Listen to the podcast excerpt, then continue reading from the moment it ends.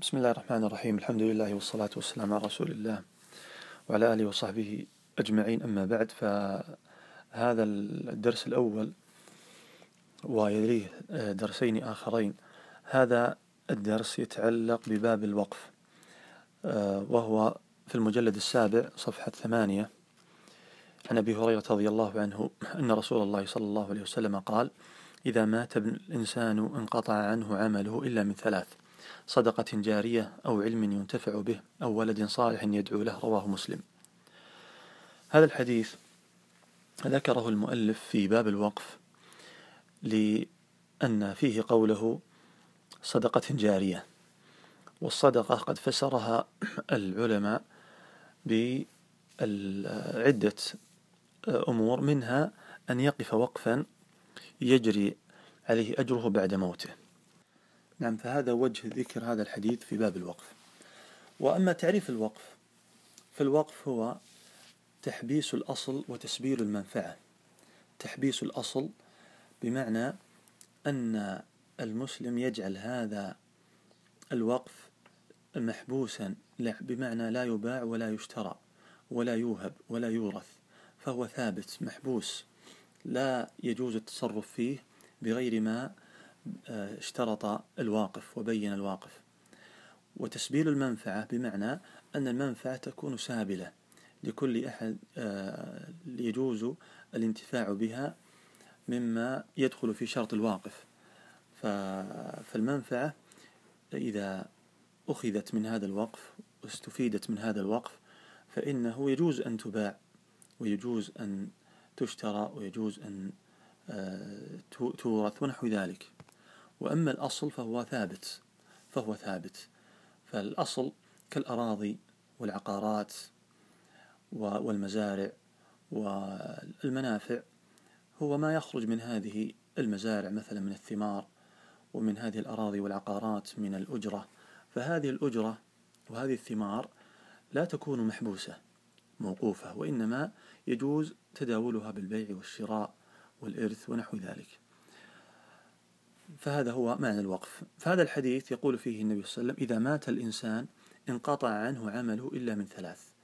ففيه أن العمل ينقطع بالموت وأن الدنيا هي دار العمل. فإذا مات الإنسان انتهى سجل عمله و آه، النبي صلى الله عليه وسلم من هذا ثلاثة ثلاثة أمور أو ثلاثة أمور. الأمر الأول الصدقة الجارية. والصدقة الجارية هي ما يبقى أجره بعد موته فلا ينقطع بالموت. بخلاف الصدقة غير الجارية أو الصدقة الناجزة أو المنقطعة فهذه تنقطع بمجرد آه، يعني يكون أجرها بمجرد إخراجها ولا يستمر ولا يجري أجرها على صاحبها. كأن يخرج الإنسان صدقة إلى فقير فهنا إذا أخذ الفقير واشترى بها طعاما وأكله انتهى انتهى أجر هذه الصدقة. بينما الصدقة الجارية يستمر نفعها. ومثل آه، مثل العقارات إذا أوقف غلتها على الفقراء والمساكين أو طلب العلم أو الدعاة. ومثل أيضا أن يجعل مثلا برادة في طريق الناس يشربوا منه الماء. أو مثل أن يبني مسجدا يصلى فيه ونحو ذلك من من الصدقات الجارية. أو كتب العلم مثلا أن يقفها ونحو ذلك أو آه، نعم. قال أو علم أو علم ينتفع به. فالعلم الذي ينتفع به هذا أيضا من الصدقة الجارية. والعلم الذي ينتفع به يدخل فيه تعليم طلبة العلم.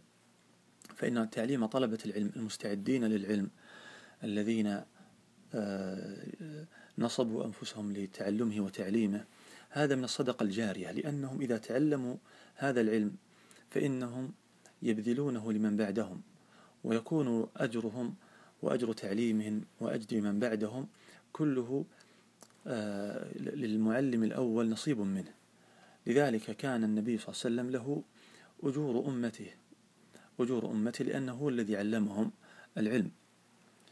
ويدخل في هذا أيضا كتب العلم طباعتها و وتأليفها وشرائها وتوزيعها ونحو ذلك. هذا كله من العلم الذي ينتفع به. إذا فالكتب تدخل في النوعين الأولين. في العلم الذي ينتفع به وفي الصدقة الجارية.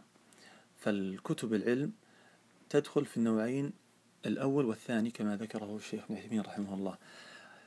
قال أو ولد صالح يدعو له. هذا القسم الثالث من من العمل الذي لا ينقطع وهو الولد الصالح. فإن الولد الصالح إذا كان يدعو لأبيه فإن دعاءه هذا يعد أو يكون في ميزان أبيه. وقال أو ولد صالح يدعو له. هل هذا يعني أن الولد غير الصالح أن أباه لا ينتفع بدعائه؟ لا هذا غير مراد. وإنما ذكر هنا الولد الصالح لأن آه، لبيان الواقع لبيان الواقع وليس للتقييد. فالواقع أن الولد الصالح هو الذي يدعو لأبيه ويستمر بالدعاء له وأما غير الصالح فإنه إن دعا أول الأمر ترك بعد ذلك. فهذا لبيان الواقع أن الولد الصالح هو الذي ينفع أباه بالدعاء. وفي هذا دلالة على أهمية مراعاة صلاح الأولاد وأن الغنيمة والتجارة الرابحة هي في إصلاح الأولاد والسعي في في إصلاحهم ودعاء الله عز وجل أن يصلحهم لأنهم هم الغنيمة التي تبقى للرجل والمرأة بعد موتهما. فينبغي أن يكون مشروع الرجل والمرأة في هذه الحياة هو هو تربية الأولاد على الصلاح وعلى الاستقامة على دين الله عز وجل. نعم آه هذه أهم مسائل الحديث. وهناك آه، يعني لطائف ذكرها الشارح في في هذا الحديث.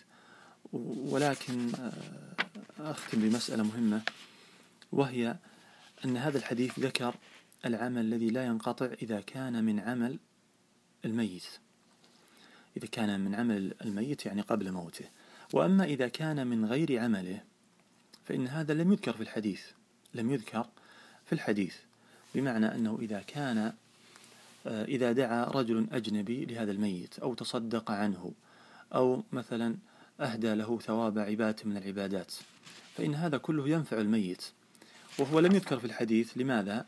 لأن هذا الحديث إنما ذكر ما يعمله الميت بنفسه لأنه قال انقطع عنه عمله يعني عمل الميت. وأما عمل غيره فإنه ينتفع به ولم يقصد بهذا الحديث. ولم يقصد بهذا بهذا الحديث. نعم. هذا هو الحديث الأول ويلي الحديث الثاني.